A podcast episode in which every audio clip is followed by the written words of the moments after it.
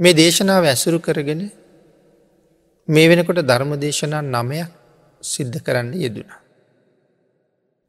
කරණීය මත්ත සූත්‍රයේ දෙවනි ගාථාව තමයි අපි නමවිනි දේශනාවෙන් සාකච්ඡා කළේ දෙවනි ගාථාව මුල් පද දෙක. සන්තුස්සකෝච සුභරෝච කියන පද දෙක තමයි නමවෙනි දේශනාවෙන් සාකච්ඡා කළේ. එතොට සන්තුස්ස කෝච කියල කීවී පහසුවෙන් සතුටු කරවන්න පුළුවන්. එමනත ලදදෙයින් සතුටු වෙනවා. සුභරෝච පහසුවේ පෝෂණය කරන්න පුළුවන්. මේ වචන දෙකම භාගිතුන් වහස එක තැනකට එකතු කරලා තියෙන්නේ. නිවන් දකිින්ට කැමති කෙනෙකුට මේ කාරණා දෙක අත්‍යවශ්‍යම නිසා.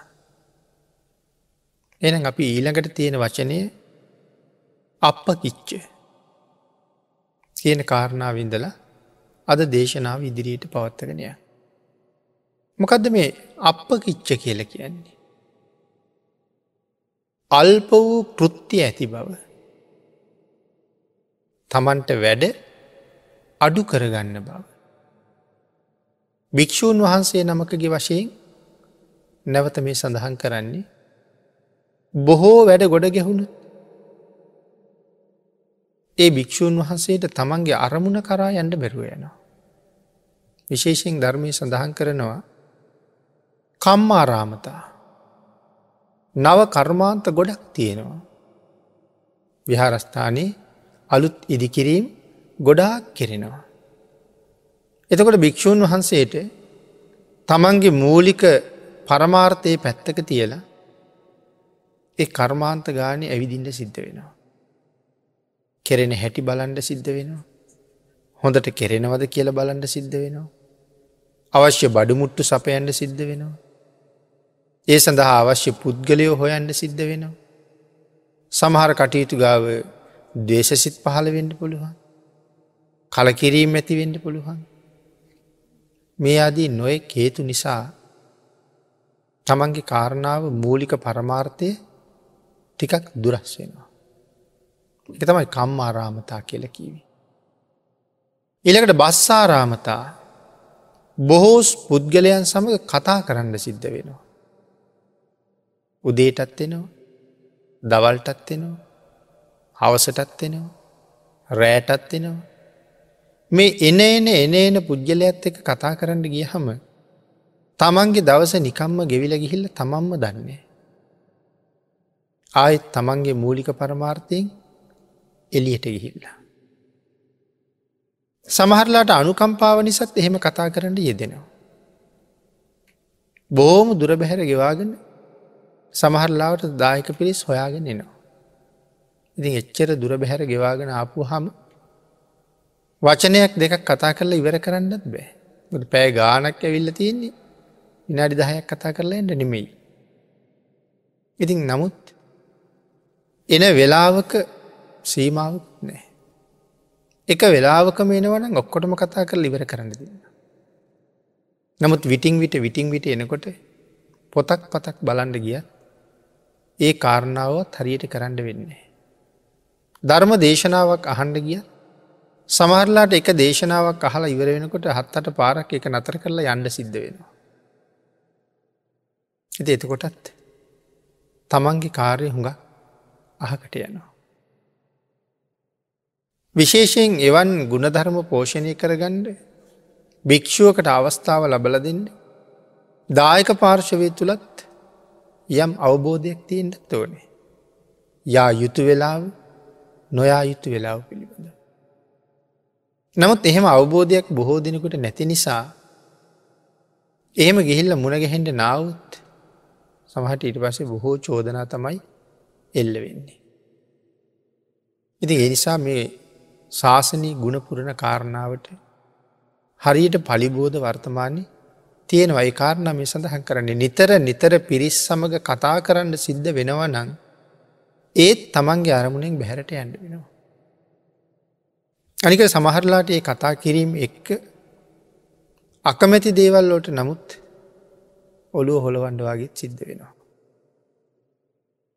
කිවයුතු කාරණාව සමහට කෙලින්ම කීවොත් දායකයගේ හිතරිදේ යමනාප වෙයි කියල හිතෙන නිසා කිව යුතුදේ නොකිය ඉන්ඩත් සිද්ධ වෙනවා. නමුත් රිජුයින දායකය ඇතත් නැතත් කමක් නැහැ වරද හදාගන්න ඕන කියල කෙලිම කියන්නත් පුළුවන්. හැබැයි එහෙම කෙනෙක් අපිට කියනවන අපේ හිස් මුදුනික් පිළිගණ්ඩුවනේ. අපි මේ දේශනාමාලායි මුලින් ඒ කාරණාව සාකච්ඡ කළා. කාටද අවවාද කළ යුත්තේ කාටද අවවාද නොකළ යුත්ත කියලා. තමන්ට චෝදනා කරලා හරි තමන්ගේ වරදක් පෙන්න්නනවන ප්‍රඥාවන්තය එක හිස්මුදුනින්ම පිළිගන්න. තමන්ගේ අඩුපාඩු තමන්ට දකින්න බෑ. ඒහින්ද ස්වාමීණි අඩුපාඩුව දැක්ක ගමන් පෙන්නලා දුන්නේ එක අපිට කරපු මහ යහපතක් කියල ඒ සතුට වෙනවා නමුත් එහෙම වෙනයි ඉන්න බොහොම බොහොම ටිකයි. ඉළඟට පින්නතන මේ බස්සා රාමතාවේ නිසා තියෙන බාධාව පැහැදිලි කරනකොට එක සූත්‍රයක අපේ බුදුරජාණන් වහන්සේ හරි ලස්සන කාරණාවක් දේශනා කළා. එක භික්‍ෂූන් වහන්සේ නමක් අරන්නේ වැඩඉන්නවා. ඒ භික්‍ෂූන් වහන්සේ දවල්ට වලඳල භාවනා කරන්න කියලා ගිහිල්ල වාඩි වෙලා උන්වහසට නින්ද යනවා. නිදි කිරෙනවා. භාවනා කටයුත්තක් නැහැ නමුත් නින්ද යනවා. ඊළඟට භාගිතුන් වහස දේශනා කරනවා ගමේ ග්‍රාමවාසී විහාරඉන්නවා භික්‍ෂූන් වහසෙනවා. උන්වහසේ බොහොම පහසුවෙන් සමාධීයට සමාධිනවා. නමුත් ඒ භික්‍ෂූන් වහන්සට එතනින් එහාට ඒ කාරණාව දියුණු කර ගණ්ඩ බැරුව යනවා මේ තියෙන පලිබෝධ නිසා. එක්කො දායකු ඇවිල්ල කතා කරනවා. එහෙම නැත්තන් අඩු තරම ආරාමඉන්න සාමනේර ස්වාමීන් වහස නමක් හරි ගිහිල්ල කාරණාවට බාධ කරනවා. ඒ නිසා භාගිතුන් වහස දේශනා කරනවා මහනිනී සමාධි සුවයට සමවදින ග්‍රාමවාසී විහාරයේ වැඩඉන්න ඒ භික්‍ෂූන් වහන්සේට වඩා අර කැලෑවේ ආරන්නේ වැඩයිඳක නිදිකිරෙන භික්‍ෂූන් වහසමං අගේ කරනවා කියලා. හේතුව උන්වහන්සේට වඩා මේ ග්‍රාමවාසී භික්ෂුව දැන් උසස් තත්වයක ඉන්න සමාධීයට සමාධීන්ට පුළුවන් තැනකට ඇවිල්ල. නමුත් උන්වහසට ඉස්සරහට යන්ඩ බෑ පලි බෝධ ගොඩ. නමුත් අර කැලෑවේ ඉන්න භික්‍ෂූන් වහන්සේට තියෙන එකම බාධාවක් විතරයි. මේ නිදිමත නැති කරගත්තන උන්වහසට වෙන බාධා නෑ. නමුත් අර ගමේ භික්‍ෂුවට නිදිමත නැති වුණාට වෙන බාධා ගොඩක් තියෙනවා. ඒ නිසා අරන්නේ නිදි කිරෙන භික්ෂුව මම අගේ කරනවා කියලා දේශනා කරනවා. එන මේ පිරිස් එක්ක නිතර නිතර කතා කරන්න ගියහම තමන් අරමුණින් බැහරට ඇඩ සිද්ධ වෙනවා. සංගනිකාරාමතා පිරිස සමග නිතර හැසිරෙන්ඩ කැමතිනම් ඒකත් තමන්ගේ කාරණාවට බාධාවක්. දැන් උතුම් විවේකය භාගිතුන් වහස හරියට අගේ කලාන්නේ. නම් සමහර පිරිසක් ඉන්නවා තනියම ඉන්ඩ හරි අමාරුයි. තැන් හුද කලා බව ශාසනය ඉතාම අගේ කරනවා. නම් අපිට ඇහෙනවා සමහර කෙනෙක් ගිහි කෙනෙක් නමුත් කියනවා තනියම ඉන්නකට හරි පාලුයි කියලා. එනිසා ඒ පාලුව නැති කරගන්න සමහර වෙලාවට එක රූපහනි අන්තරයේ ක්‍රියාත්මක කරනවා. නැතන් ගුවන් විදිලි අන්ත්‍රේ ටික කයියෙන් ක්‍රියාත්මක කරනවා. ඒත් බැරින ඒ දෙකෙන්මත් ඒ කාන්සිය නැති කරගන්න බැරින ටිකක් වැඩි වෙලාවක් අල්ලාප සල්ලාපය යෙදෙන්ට පුළුවන් කෙනෙකුට දුරකැත නෑමතුමක් හරි ගන්නවා. එදර පෑගානක් නාස්ති කරන්න පුළුවන්. ඒක හොඳයි කියලා හිතෙනවා.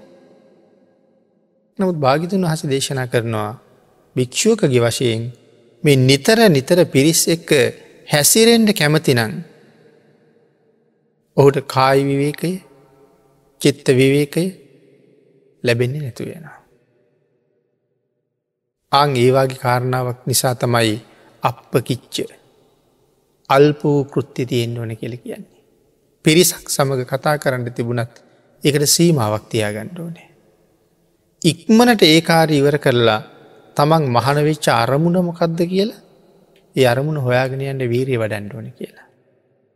පිනතින මෙන්න මේ ආකාරයට තියෙන මේ විවිධ වර්ගයේ වැඩ අඩු කරගණ්ඩ ඕන කියන කාරණාව තමයි මේ අප කිච්ච කියලා සඳහන් කර. ඊළඟට සඳහන් කරනවා අත්‍යවශ්‍යම වැඩ ප්‍රමාණයක් තියාගන්න කියලා. අනවශ්‍ය වැඩවලට යන්න නැතුව දවසේ අත්‍යවශ්‍යම වැඩ ටිකක් තියෙනවා. වත් පිළිවෙත් කරන ටික අත්‍යවශ්‍යමයි. සමහරලට දහම් කරුණක් අහගණ්ඩ බොම ශ්‍රද්ධාවෙන් එන කෙනෙකුට උපකාරයක් කරන එක වටිනවා. සසරින් එතරවෙන්ඩ උපකාරයක් නිල්ලන්නේ එහෙම උපකාරයක් කරන එක වටිනවා. ඒවාගේ තමන්ට අත්‍යවශ්‍යම වැඩටිකක් තියාගට. බොහෝ කටයුතු යොදාගන්න එපා කියලා සඳහන් කරනවා. වැඩි කාලයක් ශ්‍රමණ ධර්මයට කැප කරන්න කියල තියෙනවා. දවසේ වැඩි කාලයක් ශ්‍රමණ ධර්මයට කැප කරන්න ඕනේ. හැම වෙලාම තමන්ගෙන් ඇසිය යුතු ප්‍රශ්නයක් තියෙනවා. ඔබ පැවිදිවුණේ ඇයි. පැවිදිවුණේ ගමන් යන්ට නෙමේ. පැවිදිවුණේ විනෝධචාරිකායන්ට නෙමේ. පැවිදිවුණේ පිරිස් එක්ක නිතරම කාලිගත කරන්න නෙමේ. පැවිදිවුණේ නොෙක් කර්මාන්ත කරන්න නෙමේ. එන පැවිදිවුණේ කෑමබීම ගෙදර නැතිහින්ද පැවිදිවුණා නෙමෙයි. සලකණ්ඩ කෙනෙක් නැතිහින්ද පැවිදිවුණා නෙමෙයි. වෙනත් කටයුතු කරලා දෙන්න උදව් උපකාර කරන්න එමතන් කාත් කවුරුවත් නැති නිසා පැවිදිවුණා නෙමෙයි. අම්ම තාත්තත් දාලා සහෝදර පිරිසත් දාලා සමහරලට ගෙදර තිබිච්ච ඉඩකඩන් යානවාහන සල්ලි මිල මුදල් මේ ඔක්කොම අත්හැරල පැවිදි වුණේ ආය තැන කැවිල්ල දන්නෙම නැතුව වෙනමකොත් අල්ල ගණඩනීමේ අර එක ජාතක කතාවක හරි ලස්සන කාරණාව පැහැදිලි කළා. බ්‍රහ්මණවරු දෙන්නෙක් රිෂි ප්‍රෞද්ජාමින් පැවිදි වෙනවා. විතා විචිත්‍ර ධර්ම කාරණාවක් නමුත් බොහොම කෙටියෙන් මතක් කරන්න. අසූකෝටිය අසූකෝටියවාගේ ධනයත් ඇරලෙන්නේ. සඳහන් කරනවා නිව හිමාලයවාගේ වැඩඉඳලා ලුණු ඇබුල් හොයාගෙන ඒ කාලට ගමට වදින සමහර කාලවලට කියලා. එහෙම පිණ්ඩ පාති වඩින දවසක වැඩිපුර ලුණු ටිකක් හම්බුණා. ප්‍රධාන භික්‍ෂුවගේ උපස්ථායක භික්‍ෂුව ඒ ලුණු ටික ඔතල ගහක බෙනීකවාගේ තැනක තියල තිබ්බා. පහුවදා දානෙ ලැබිල දානය වලඳන්න යනකොට එදා දානයට ලුණු මදී. නිසා දිය රස යාහාර. මතක් වුණ අර තියාපු ලුණු ටික ඒ අරගෙන ඇවිල්ල ප්‍රධානියගේ ආහාරයටත් ලුණු මිශ්‍ර කරලා තමුණුත් පරිභෝගිට ගත්තා. එතකොට ප්‍රධාන රිෂිවරය අහනවා කොහෙන්ද ලුණු අඩුපාඩුවට දාගන්ට උපස්ථායක භික්‍ෂුව කියනවා ඊයේ වැඩිපුර හම්බුනානේ මං ඉතුරු ටික තියල තිබ්බා. එතකොට ප්‍රධාන රිෂිවරය අහනවා රාජ්‍යත් දාලා අසූකෝටියක් විතර ධනයත් අත්හැරල විශාල දැසි දස්ව සහ මව්පියොත් දාලා එ ඔක්කොම අත්හැරල ඇවිල්ල ඔබ ලුණු ටිකට ඇලුනද කියලා. පාට කතාව කොච්චර ලස්සඳ කියලා. අත වෙච භික්‍ෂූ කියනවා බැන්නට කමක් නෑ ඔය තරම් සැරට බනින්න එපා කියලා. අපිට ඒගේ සැරබවක් පේනවාද. නමුත් ඒ කාරණාව හරි සැර කතාව. ආං ඒවාගේ කරුණු ශාසනය හරි ලස්සන්ට පෙන්ඩලා තින මේ කාරණාව තේරුම් ගන්නට. එනම් අර මුලින් සඳහන් කලා වගේ ඒ සියලුම දේවල් අත්හැරල පැවිදිනේ ආය තව කෙනෙක් කල්ල ගන්නව තව කෙනෙක් නිසා බැඳෙන්ඩව වෙනත් කර්මාන්ත නිසා බැඳිලා නිකන් කාලි නාස්ති කරන්නවත් නෙමෙයි. තමන් ආවයම් අරමුණක් මුදුම්පත් කරන්නද ඒ අරමුණ වහවහා මුදුම්පත් කරගන්න උත්සාහ කරන්න ඕනේ. ඒ සඳහා අල්ප වූ කෘත්තිය ඇති කෙනෙක් බවට පත්තෙන්ට ඕනේ. කළ යුතු අත්‍යවශ්‍යම කාරණාව විතරක් සම්පූර්ණ කරලා තමන්ගේ කාරණාවට යෙදෙන්ඩ ඕන කියන කාරණාවයි එතන සඳහන් කරන්නේ. එතකොට පිනතින මේ සූත්‍ර දේශනාව පුරාම අපිට පේනවා මේ එක වචනයක් ඇතුළේ කොයි තරන් ධර්ම කොට්ටාසයක් භාගිතුන් වහස ගැබ් කරලා තියෙනවද කියලා. කරණී මත සූත්‍රය කියල කියන්නේ ඉතා දීර්ග සූත්‍රයක්. නමු ත්‍රිපිටගේ අපිට හම්බ වෙන්නේ ගාථා දහයක බොහොම පුංචි සූත්‍රයක්. මම මේ දේශනාවේ බොහෝ තැන්වල මතක් කළා. මේ සූත්‍රය පරිහරණය කරලා භික්‍ෂූන් වහසල තිස්නමක් මාස තුනක් ඇතුළෙස රහත්වෙනවා. නමුත් කල්පනා කරන්නකු අපි අවුරුදු කීයක් මේ සූත්‍රයේ උදේ හවස කියන ඇද්ද කියලා. නමුත් අපට වෙච්ච කිසි වෙනසක් කිසි වෙනසක් නෑ. මේ සූත්‍ර බොහොම මහානු භාවයි බොහොම බලසම්පන්නයි කියලා අපි නිතරම් ධර්ම දේශනාවල් වලින් අපේ දහම් පොත් පත්වලින් අහනව කියවනවා. ඉතින් ආපහු අපිට ඉතිනවා ඉතින් කිසි ආනු භව බවක් අපිට නෑනේ. ඇයි නැත්ති. නැත්ති සූත්‍රයේ අන්තර්ගතය මේ විදිහට අපි දන්නේ නෑ. අත්හල යුතු දේවල් මොනවද ලංකර ගත යුතු දේවල් මොනවද කියන කරුණ අපි මේ සූත්‍රයේ අරන්නෑ අපි නිකන් ගිරව්වාගේ පාඩන් කරගෙන කියව්ව විතරයි කරලතිය. ඊට වඩා දීර්ඝ කාරණා අන්තර්ගත කරලයි භාගිතුන් හස මේ සූත්‍රයේ අපිට ගාථා දහයකට සීම කරලා දීලතියෙන්. හැබැයි ඒ ගාථා දහය ඇතුළේ අපි නිවන දක්වා හේතුවෙන කරුණු ටික අන්තර්ගත කරලා තියෙනවා. ඒකයි මේ එක පදය මේ තරන් දීර්ගෝ විස්තර වෙන්නේ ඒ අන්තර්ගතය නිසා. අපි මේ සාකච්ඡා කළේ ඉතා ස්වල්ප ප්‍රමාණයයි. මේ කරුණක් ඇතුළේ තව දිගහරින්ට කරුණු ඕන තර තියෙනවා. ඉළඟට තා වචනයක් තියෙනවා සල්ලහුක උත්ති ඇයි එහෙම කියන්නේ. සැහැල්ලු දිවි පැවැත්ම.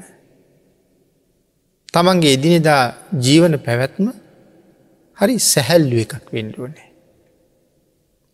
මහා බරබද්දර ගොඩක් නැති වෙන්ඩෝනේ.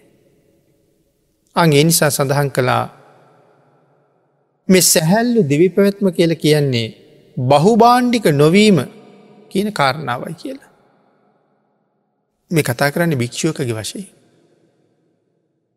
ඇයි බහුබාණ්ඩික නොවීම කියල කියන්නේ. බොහෝ බාණ්ඩ රැස් වෙලා තියෙන්න බෑ. එතකොටත් හරියට කරදරයි අහුරන්ඩෝනේ පිළිවලට තියන්ඩෝනේ පිහින්ඩෝනේ වෙනම සුද්ධ කරන්න ඕනේ.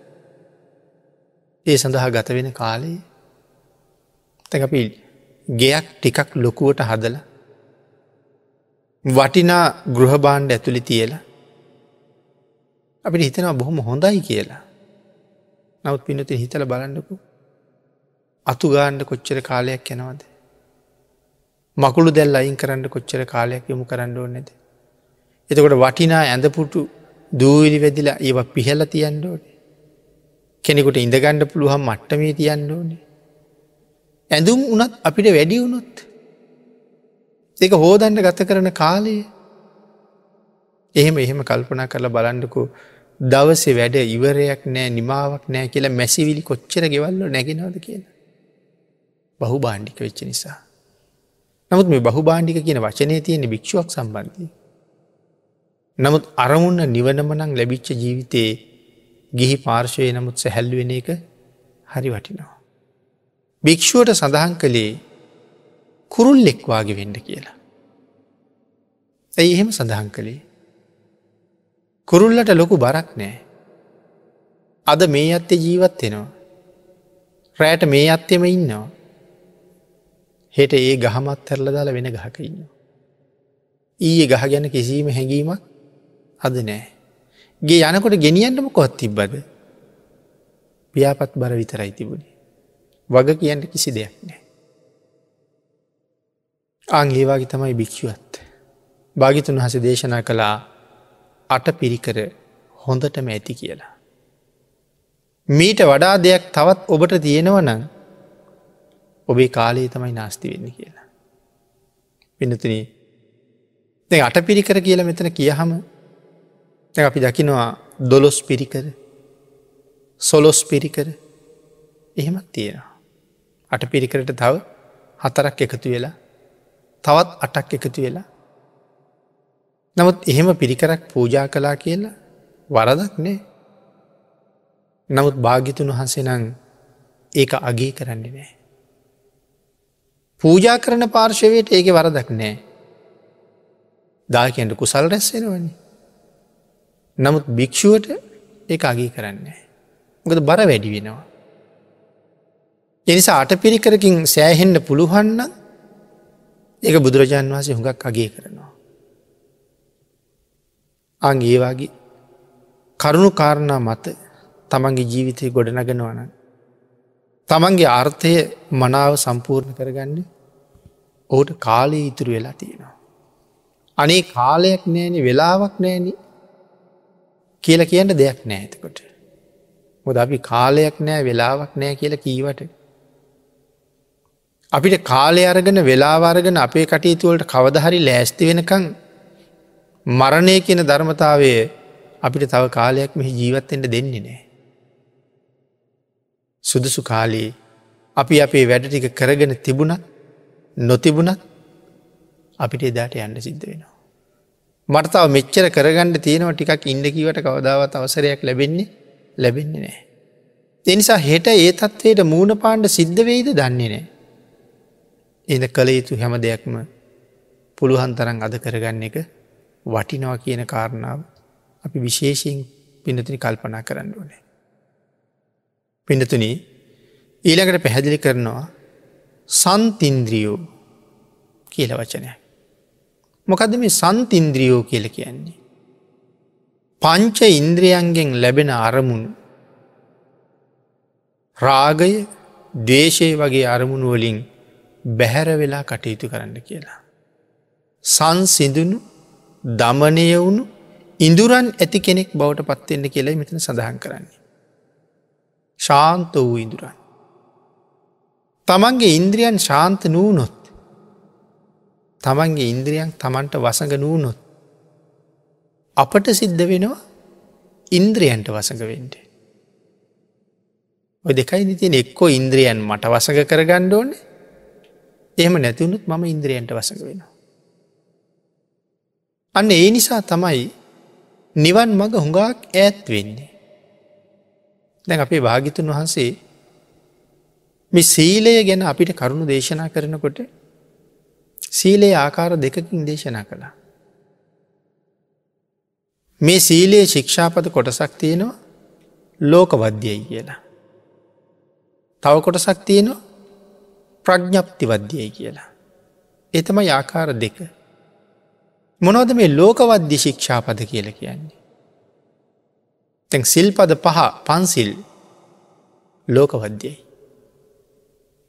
ඒගැන ප්‍රාණගහතයක් බුද්ධෝත් පාදයක කළත් අබුද්ධෝත් පාද කාලයක කළත් නිරේ උපදින්න සිද්ධ වෙනවාමයි. එතකට ඇයි ඒක ලෝකවද්‍යය කියල කියන්නේ. ස්වභාවයෙන්ම විශ්වයේ පවතින දෙයක්. ප්‍රාණගහතයක් කළොත් තමන්ටත් දඩුවන් හම්බේ. හොරකමක් කළොත් තමන්ටත් දඩුව හම්බ වෙන. සිල්පද පහම ගැන කල්පනා කරහම් එහෙමයි. වරද කළොත් වරදට දඩුවම තියෙනවා. ඒ නිසා අපි හැමදාම මේ සිල්පද පහනන් විශේෂයෙන් ආරක්ෂා කරන්න මෝනේ. ඒ තුළනම් හික් මෙන්ඩම හික් මෙන්ඩම වෙනවා. නමුත් ඊට පස්සේ පනුවපු තව පහක් තියෙනවනේ විකාල භෝජනාවීරමනි දැන් දස සීලයට යනකොට පහක් තියෙනවා. අටසීලයට යනකොට තුනක් තියෙනවා. නවංග පෝසතයට යනකොට හතරක් තියෙනවා පන්සිල්ලට අමතර හතරක් තියෙනවා. ඒවට මොනවද කියන්නේ. ආං ඒවට තමයි ප්‍රඥ්ඥප්ති වද්‍යයයි කියල කියන්න. ඒසිල් පද කවුද පනවලා තියෙන්නේ. එව්වා බුදුරජාණන් වහන්සේ විසින් පනවපු දේවල්. එතකට පන්සිල් භාගිතුන් වහස පනවපුවද නෑක විශ්වයේ තියෙන නීතියක් ඒ අපි දන්න ඇති නිසා බුදු කෙනෙක් ලෝකෙ පහළ වෙච්චහම අපිට ඒක පෙන්නලා දෙනවා.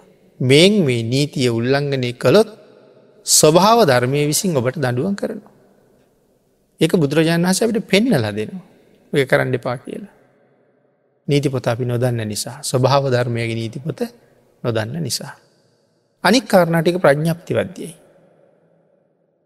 ප්‍රඥප්ති වද්‍යය කියල කියන්නේ භාගිතුන් වහස පනවපු නිසා කියලම සඳහන් කළා. ඒගැන රෑට කෑම කෑවුත් පන්සිල් විතරක් සමාදන් වෙන කෙනට රාත්‍රී ආහාරි බාධාවක් නෑ. නමුත් අටසිල් ගන්න කෙනෙකුට විකාල භෝජන කියල ශික්ෂාපදය තියෙනවා. දැ පන්සිල්ලරින් එකක් උල්ලංඝනය කිරවුත් නං නිරේට යන්න සිද්ධ වෙනවා. නමුත් රාත්‍රී කෑම කෑව කියලත් නිරේට යන්න වෙනවාද. කෑම කෑව කියල නිරේට යන්න වෙන්නේ නෑ. රූපවාහනය බැලුව කියලා නිරේට යන්න වෙන්නේ නෑ. නවත් අකුසල් රැස්සෙන තවත් වෙනම ක්‍රමයක් තියෙනවා. ඒ බලාගෙන ඉන්නකොට රාගය ඇතිවෙනවා. දේශය ඇතිවෙනවා. මෝහය ඇතිවෙනවා ඔත්තිනු ඇතිවෙනමනේ. ඊට පසේ ඒ මත ක්‍රියාත්මක වෙන්න ගිහිල්ල බොහෝ අකුසල් කරගන්නවනේ. ගීතයක් නමුත් අහන්නේ රාගයක් නිසානේ සමහර ගීතයක් නිසා රාගය උත්පාදනය කරනවනේ. ඉතින් එතකොට ඒ තුළ එහෙම අකුසලයක් ආපහු තියෙනවා.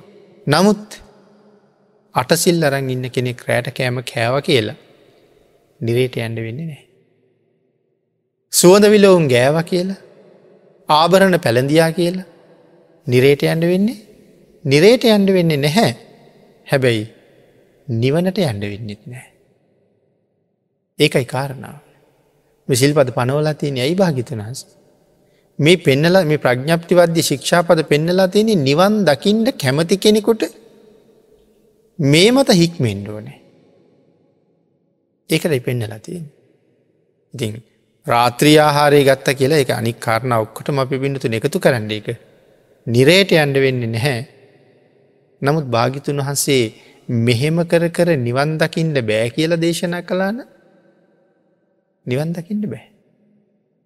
බුදුරජාණන් වහන්සේට හොරෙන් නිවනට යන්න බෑ කවදාවත්න. යනවන භාගිතුන් වහන්සේ පෙන්නපු විදිහට තමයි නිවනට යන්න පුළුවන් වෙන්න. එහනම් මේ සන්තින්ද්‍රියෝ තමන්ගේ ඉඳුරන් දමනය කර ගණ්ඩෝනේ. ඉඳුරන් දමනය කරනවා කියල කියන්නේ කෙලෙස් පාලනය කරනවා කියන එකන.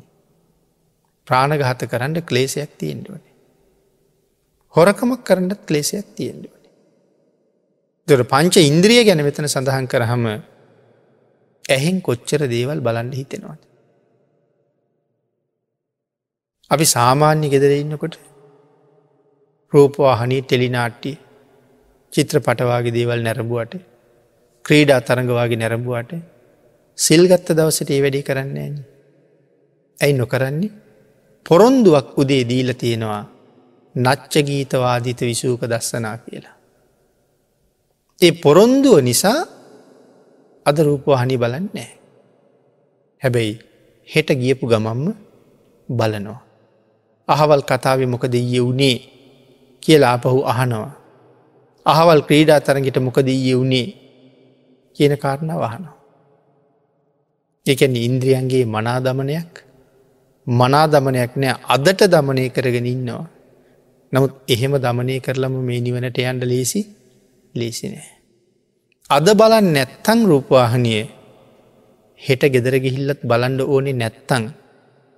අන්න මගේ ඇහැ කියන ඉන්ද්‍රිය මන් දමනය කරලා තියෙනවා.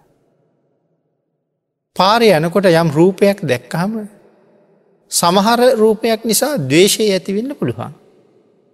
සමහර රූපයක් නිසා රාගය ඇතිවෙන්න පුළුවන්. අන්ගේ රූපයට ඇලුන නිසා මගේ ඉන්ද්‍රී පාලනයක් නැති නිසා මේ ඇහැ කියන ඉන්ද්‍රියෙන් දැකපු දර්ශනය නිසා මගේ හිතට බලපෑමක් කරනවා ආපහු ආපහු බලන්න කියලා. ආගේ නිසා නතර වෙලා පිටිපස්ස හැරිලත් බලන්න හිතෙනවා. එහෙමනැත්තං නොපෙනෙන තැනකනං ඇගිලි තුඩු මත නැගල ඉස්සිලා වගේ බලන්න හිතෙනවා. ඉන්ද්‍රිය දමනය දමනයක් නැති නිසා.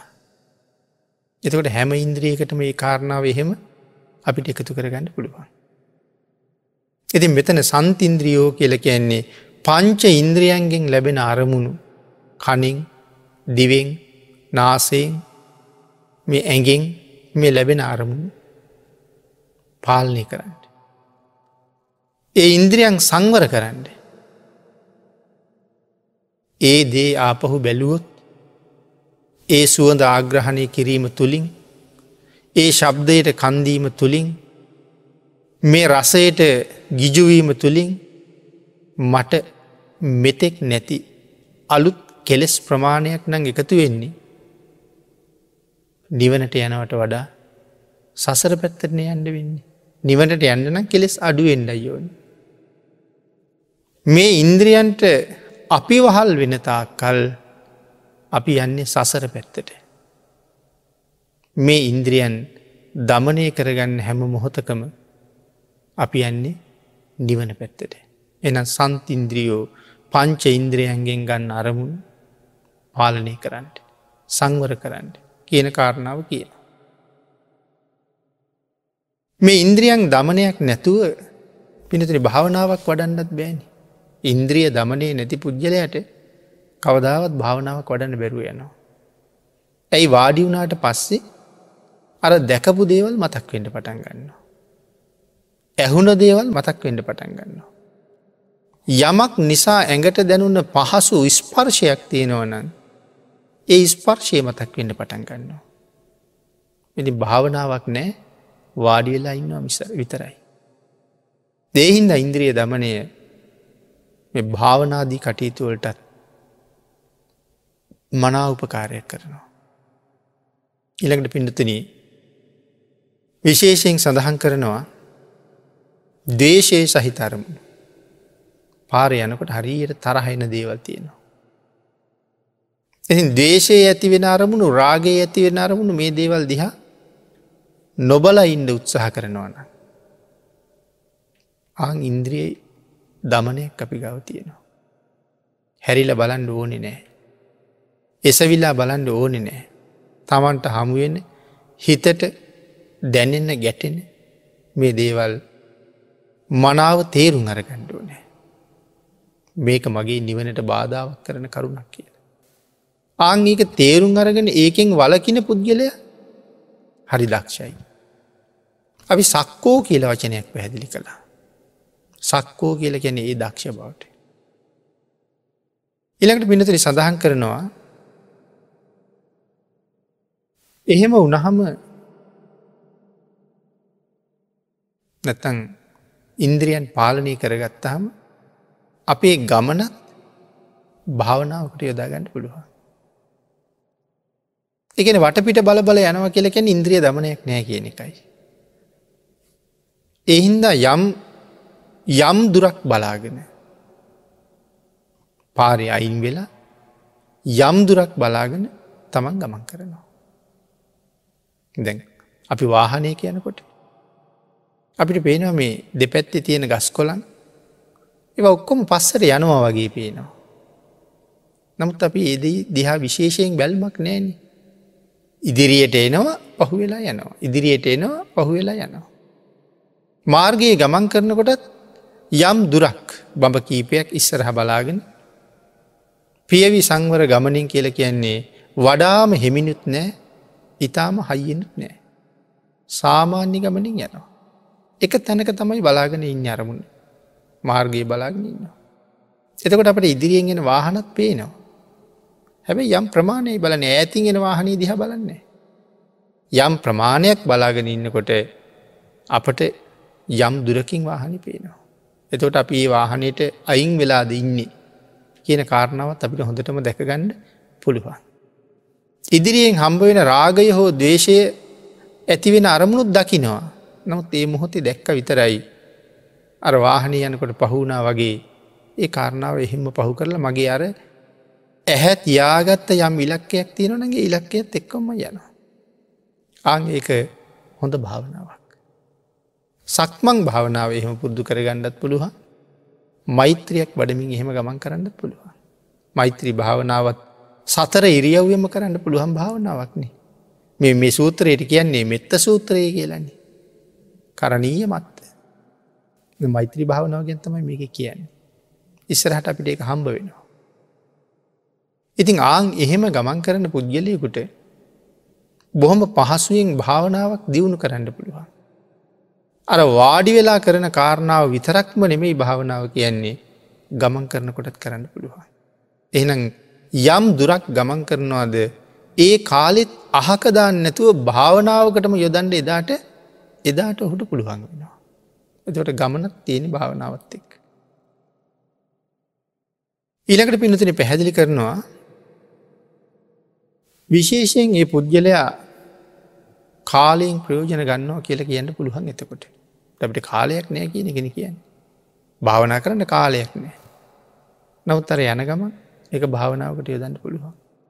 එතකොට ඒ යන කාලේ නහත්ති වෙලා නෑ අපිට ජීවත්තෙන්ට තියෙන බොහොම ටික කාලයයි. අවුරුදු හැත්තෑවක් විතර කියල කල්පනා කළු. ඒ හැත්තෑවෙන් සෑහෙන කාලයක් ඉගෙන ගණඩ වියදන්නා. ඊළඟට අනිවාරයෙන් අපි දන්නවා තව අවුරුදු හතාටක්වත් මේ රෝගී තත්වයන්ට ව්‍යාදීන්ට ගොදුරු වෙලා ජරාවට පත්වෙලා. එක් තැන් වෙලා නමුත් ගෙවන්න සිද්ධ වෙන කාලයක් තියෙනවා.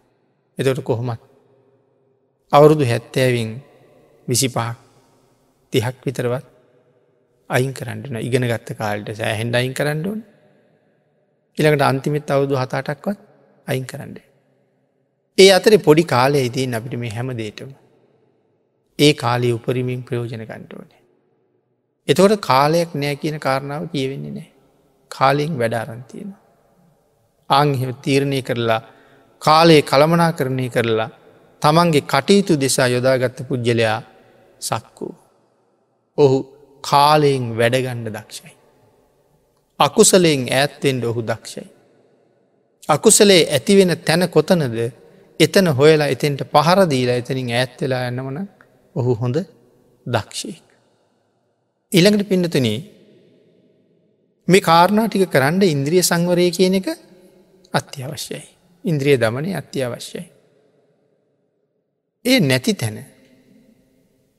මේ ලෝක අභිවෘධිය උදෙසා කරන හැම කටයුත්තකටම තියෙන්නේ ලොකු බාධාවක්.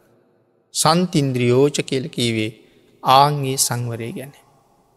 ඊළඟට සඳහන් කරනවා නිපකෝ කියල වචනය. සන්තින්ද්‍රියෝච නිපකෝචය. ඇයි මේ නිපකෝච කියල හඳුන්නලා තියෙන්නේ පිනත මෙතන නිපකෝ කියලකින් ප්‍රඥාවට. කොහොම දේකාරණාව විස්තර කරලා තියෙන්නේ. විශේෂයෙන් පැහැදිලි කරනවා තමන්ගේ සිව් පසේ දැන් ආපහු භික්ෂුවක් සම්බන්ධයෙන් කතා කරනවා. තමන්ගේ සිව් පසේ නිවැරදිව ලබාගන්නේ කොහොමද. ඒක පිළිබඳව ප්‍රඥාවක් තියෙන්දුවන්නේ. ජීවර පින්ඩපාත සේනාසන ගිලාන ප්‍රත්තිය. විශේෂයෙන් සඳහන් කරනවා එහෙම තැන්වල තමන්ගේ සීලයට කැලලක් නොවෙන්ඩුවනේ. තමන්ගේ ආජීවය අපිරිසිදු නොවෙන ආකාරයට ප්‍රත්‍ය සේවනය කරන්නඩුවනේ. එහෙම කරන්නේ කොහොමද කියලා නුවනින් කල්පනා කරලා බලන්ඩුවන කියලා. සිව්පසේ ලබාගණඩ ගිය හම තමන්ගේ සීලයට හානි වෙනවාද. ධර්මානුකූල ජීවිතයට හානි වෙනවාද. සමහර වෙලාවට ඉතා සුළු කුඩා බොරුවක් වෙන්ඩ පුළුවන්. ඒකින් ලොකු ලාභයක් ලැබෙන්ට පුළුවන්. පොඩි බොරුවක් කියන්න තිය. නැත්තන් සම්ය ප්‍රයෝගයක් කරන්න තියෙන්. ලොකු ලාභයක් ලැබෙනවා. නමුත් ඒක ඒ තරම් හොඳ නෑ. සීලය පළුදු කරගෙන කොයි තරම් ලොකු ලාභයක් ලැබුවත් එක ලාභයක් නෙමෙයි. ඒ ලාබේ නැතිවුණට කමක් නෑ තමන් මෙතෙක් ආරක්ෂා කරපු සීලී තිබුණන. ඒක ඊට වඩා ලාභයක් මොකද බිනදිරි කෝටි ගානක ලාභයක් ලැබුණ ඒ ලාබේට බෑන අපි සුගතියට ගෙනියන්ට. නමුත් අර බිඳගත්තේ නැති සීලයට පුළුවන් මරණයත් සමගම අපි සුගතිගාමි කරන්නට. එන අර කෝටි ගානට වඩා මේ සීලේ වටිනවා. එහෙමනං ආං ඒ තැන්වල ප්‍රඥාවන්ත වෙන්ඩෝනේ ඒ සිව්පසේ ලබන්නේ කොහොමද කියලා. ආජීවයට හානි වෙන තැනක් නම් එතනින් කොච්චර ලැබුණත් එපා. ඉතා සුළු දෙයක් ලැබුණට කමක් නෑ ආජීවයට හානියක් නැත්තම්. අංගේ කාරණාව තේරුම් ගණ්ඩ හොඳ ප්‍රඥාවක් තියෙන් ඕන කියන කාරණාව සඳහන් කරන. මේ දේ මෙහෙම කළොත් මගේ සීලයට හානි වෙනවද. හනි වෙනවන නිපා. ඕනෑම තරාතිරමක පුද්ගලයෙක් ඇසුරු කලාට මේ පුද්ගලයා ඇසුරු කිරීම නිසා මගේ එදිනෙදා කටයුතුවලට හානි වෙනවද. බාධා වෙනවද. එහනම් ඔහු කොයි තරන් තරාතිරමින් උසස් කෙනෙක් වුණත් මට වැඩක් නෑ. ඔහු මට මොන තරන් උපකාර කරන්න පුළුවන් ශක්තිය තියෙන කෙනෙක්ද මට ඒ පුද්ගලයකින් වැඩක් නෑ. ඊළඟට හිතන්නකෝ එවන් දායකෙක් සමහරලාට කෝටි ගණනක මුදලකින් යාන වාහනවලින් උපකාර කරලා තියෙනවා. නමුත් ඔහු නිසා එන්ඩ එන්ඩ තමන්ගේ ආජීවයට හානි වෙනවනං මේ පුද්ගලය මට මෙච්චර කරලා තියෙනවන කියලා ඒ පුද්ගලය ළඟම නතර වෙනවට වඩා ඔහු අත්තරලදානක තමයි වටින්නේ. ආං ඒක තමන් දැනගණ්ඩුවන්. ඒකයි මෙතන නිපකෝ කියල කියන්නේ. ඊළඟට පින්නතුනී වාසය කරන ආවාස මොනවාගේ ආවාසයක් සුදුසුද. කොයි වගේ ප්‍රදේශයක් ජීවත්වීමට සුදුසුද. මොනවාගේ ප්‍රදේශයක් තමන්ගේ ශරීර සෞඛ්‍යයට ගැලපෙනවද. කොයිවාගේ පිරිසක් සමඟ ජීවත්වයන එක හොඳද. ආගේ කාරණාව හොඳට අවබෝධ කරගෙන සුදුසු ප්‍රදේශයක ජීවත්වයන එක සුදුසු පිරිසක් ඇසුරු කරන එක සුදුසු තැනක වාසය කරන එකත් මෙතන නිපකෝ කියල සඳහන් කරලා තියෙනවා. එමන පිඩතුන අපි කරණීය මත්ත සූත්‍රය ඇසුරින් සිදු කරන දහවිනි ධර්ම දේශනාව මේ නිපකෝ කියන වචනය පැහැදිලි කරම තැනි අද අවසන් කරමු අප ගබ්බෝ කියන වචනය එකොළොස්වනි දේශනාවෙන් පැහැදිලි කරන්න ඉඩතියාගෙන.